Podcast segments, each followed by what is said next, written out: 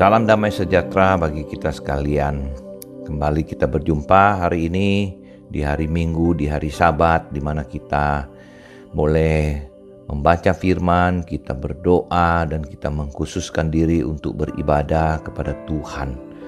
Hari ini kita akan sama-sama merenungkan bagian firman Tuhan dan ambil dari kitab Yesaya pasal yang ke-48 sesuai gema daripada GKY diberikan judul Allah memurnikan melalui penderitaan.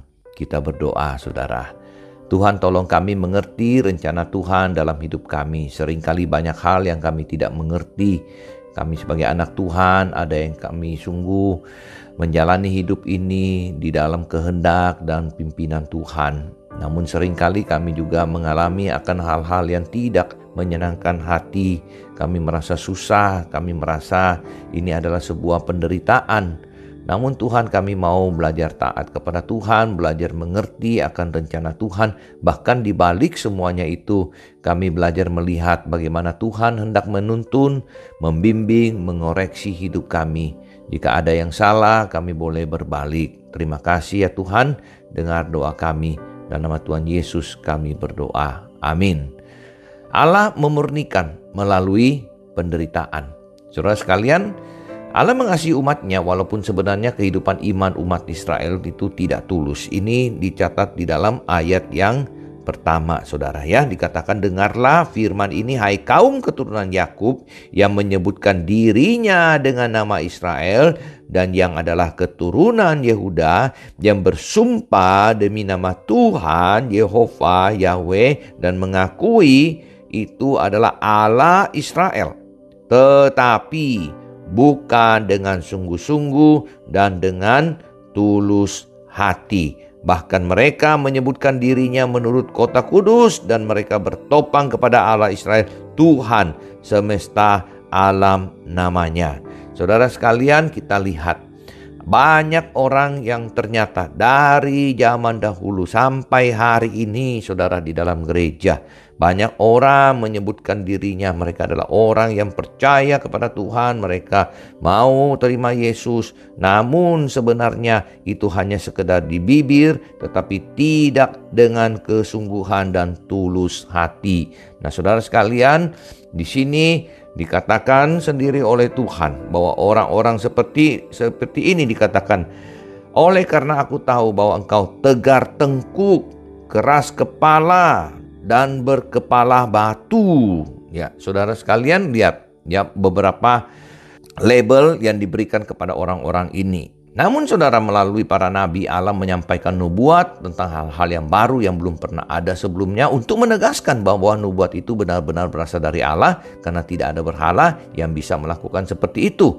untuk ya mengingatkan akan orang-orang yang belum sungguh-sungguh percaya ini ya nubuat tersebut jelas menunjukkan bahwa kepada hukuman pembuangan umat Yehuda ke Babel dan pemulangan ke Yerusalem yang bersifat memurnikan iman melalui ujian dalam dapur akan kesulitan kesengsaraan. Ya di dalam ayat yang ke-10 disebutkan sesungguhnya aku telah memurnikan engkau namun bukan seperti perak tetapi aku telah menguji engkau dalam dapur kesengsaraan. Saudara, lihat bagaimana Tuhan harus ya dengan sedih hati dia harus mendisiplinkan kita agar kita itu berbalik, kita bertobat, kita percaya sungguh-sungguh kepada Tuhan semata-mata karena Dia mengasihi saudara dan saya.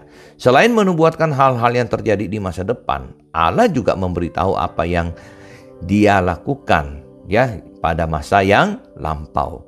Oleh karena itu wajar bila Allah mengatakan akulah yang tetap sama, akulah yang terdahulu, akulah yang terkemudian. Tuhan Yesus juga demikian saudara mengatakan Tuhan Yesus tidak berubah dahulu sampai selama-lamanya. Allah itu tidak berubah, dia sifatnya kekal dan selalu omnipresence, selalu ada. Oleh karena itu, Allah bukan hanya mencipta pada masa lalu, tetapi Dia juga merancang masa depan, sehingga masa depan bukanlah suatu kebetulan, saudara. Masa depan dirancang oleh Allah dan Allah telah merancang masa depan untuk memurnikan iman umatnya. Pada masa kini kita perlu peka terhadap petunjuk Tuhan tentang jalan yang harus kita tempuh. Kepekaan terhadap tuntunan ya daripada Tuhan dan ketaatan kepada pimpinan Tuhan itulah yang akan membuat kita selalu memiliki damai sejahtera, Saudara. Ya, ketika kita belajar tahu bagaimana dengan kepekaan kita kepada Tuhan. Di ayat 17 dikatakan begini, Beginilah firman Tuhan, penebusmu yang maha kudus, Allah Israel.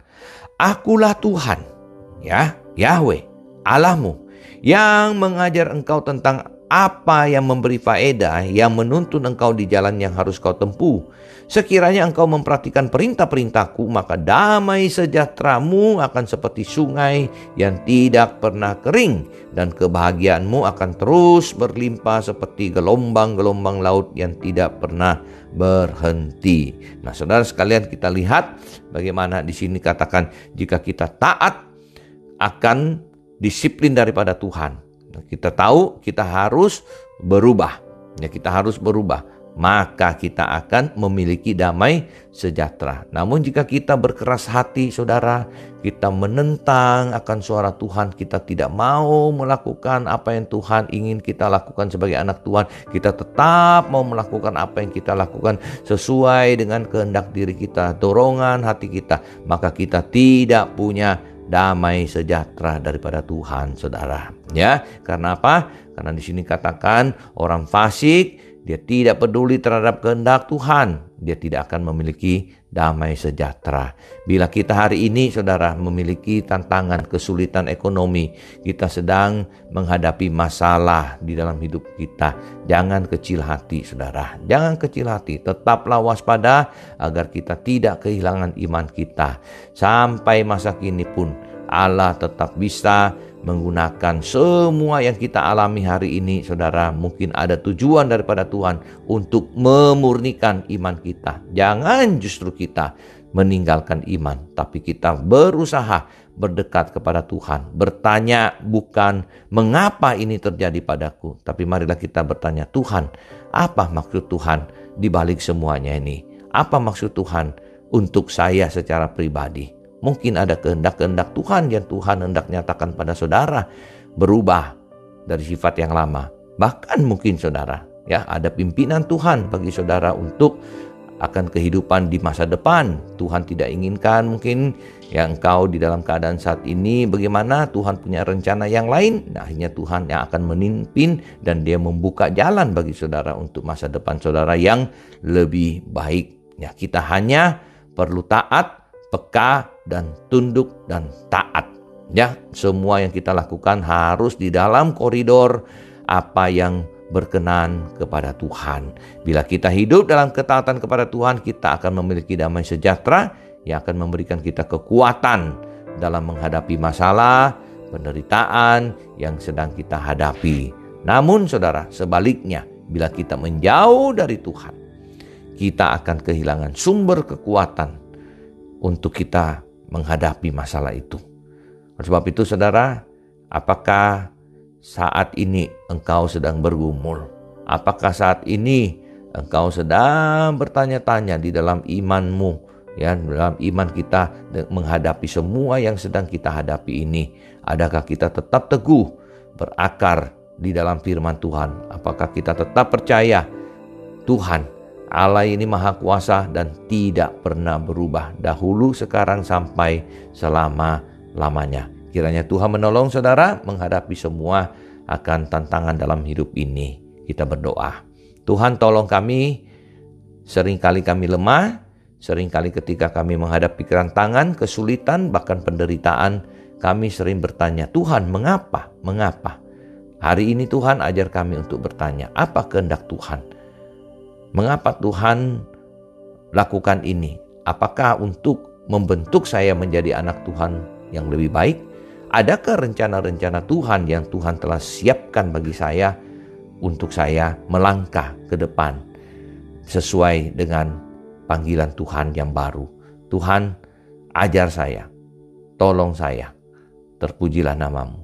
Dalam nama Tuhan Yesus Kristus. kami berdoa. Amin. Tuhan memberkati saudara. Ya, mari saudara di hari yang telah Tuhan sediakan bagi kita ini, ya kita banyak berdoa, baca firman.